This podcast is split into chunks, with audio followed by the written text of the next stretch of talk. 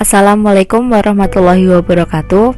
Perkenalkan, aku Kaila Azalia Dari kelas 7 bin Abi Wakos SMP Islam Al-Azhar Kairo, Yogyakarta Akan menyampaikan sedikit kisah tentang Rasulullah. Rasulullah lahir pada hari Senin Tanggal 9 Rabiul Awal pada tahun Gajah atau 20 April 571 Masehi di kota Mekah.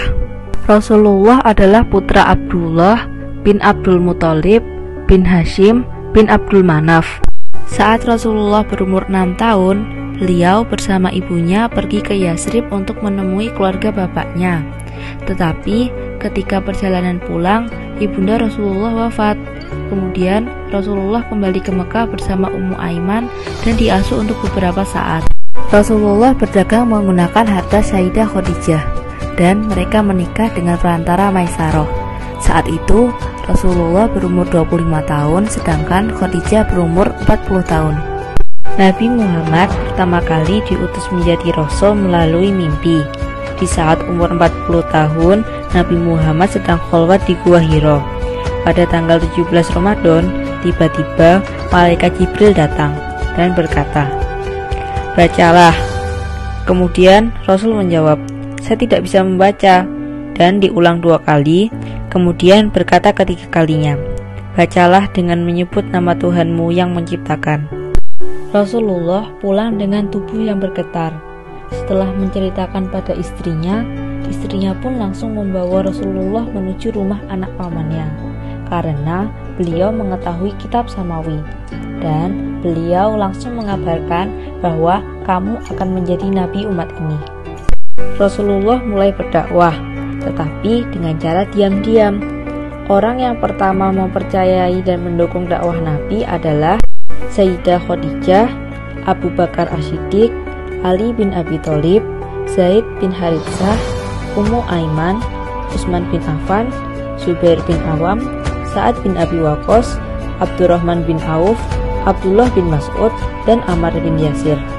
Pada tahun 516 Masehi, atau saat tahun lima kenabian, Rasulullah mengajak sahabatnya untuk hijrah ke Habasyah.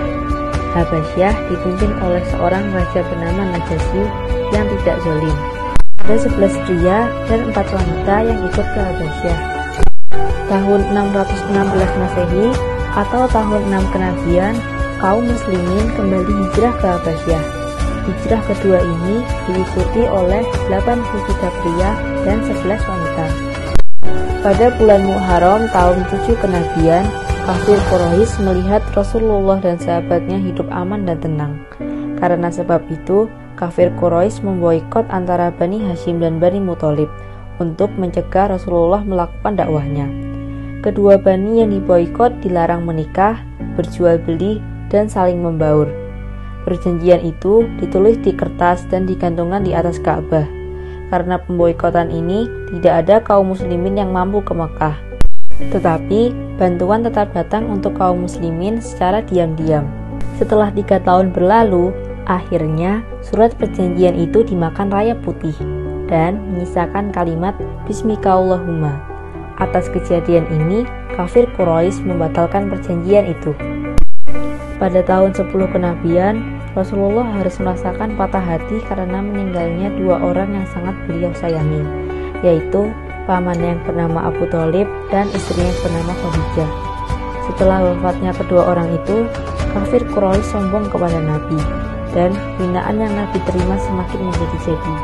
Hikmah yang dapat diambil dari kisah hidup Rasulullah adalah melalui kesabaran dan ikhtiar dalam berjuang menegakkan agama Allah, pasti akan mendapatkan pertolongan dari Allah Subhanahu wa taala. Sekian sedikit penjelasan yang dapat saya sampaikan tentang kisah hidup Rasulullah. Semoga bermanfaat. Apabila ada kesalahan yang dimaafkan. Wassalamualaikum warahmatullahi wabarakatuh.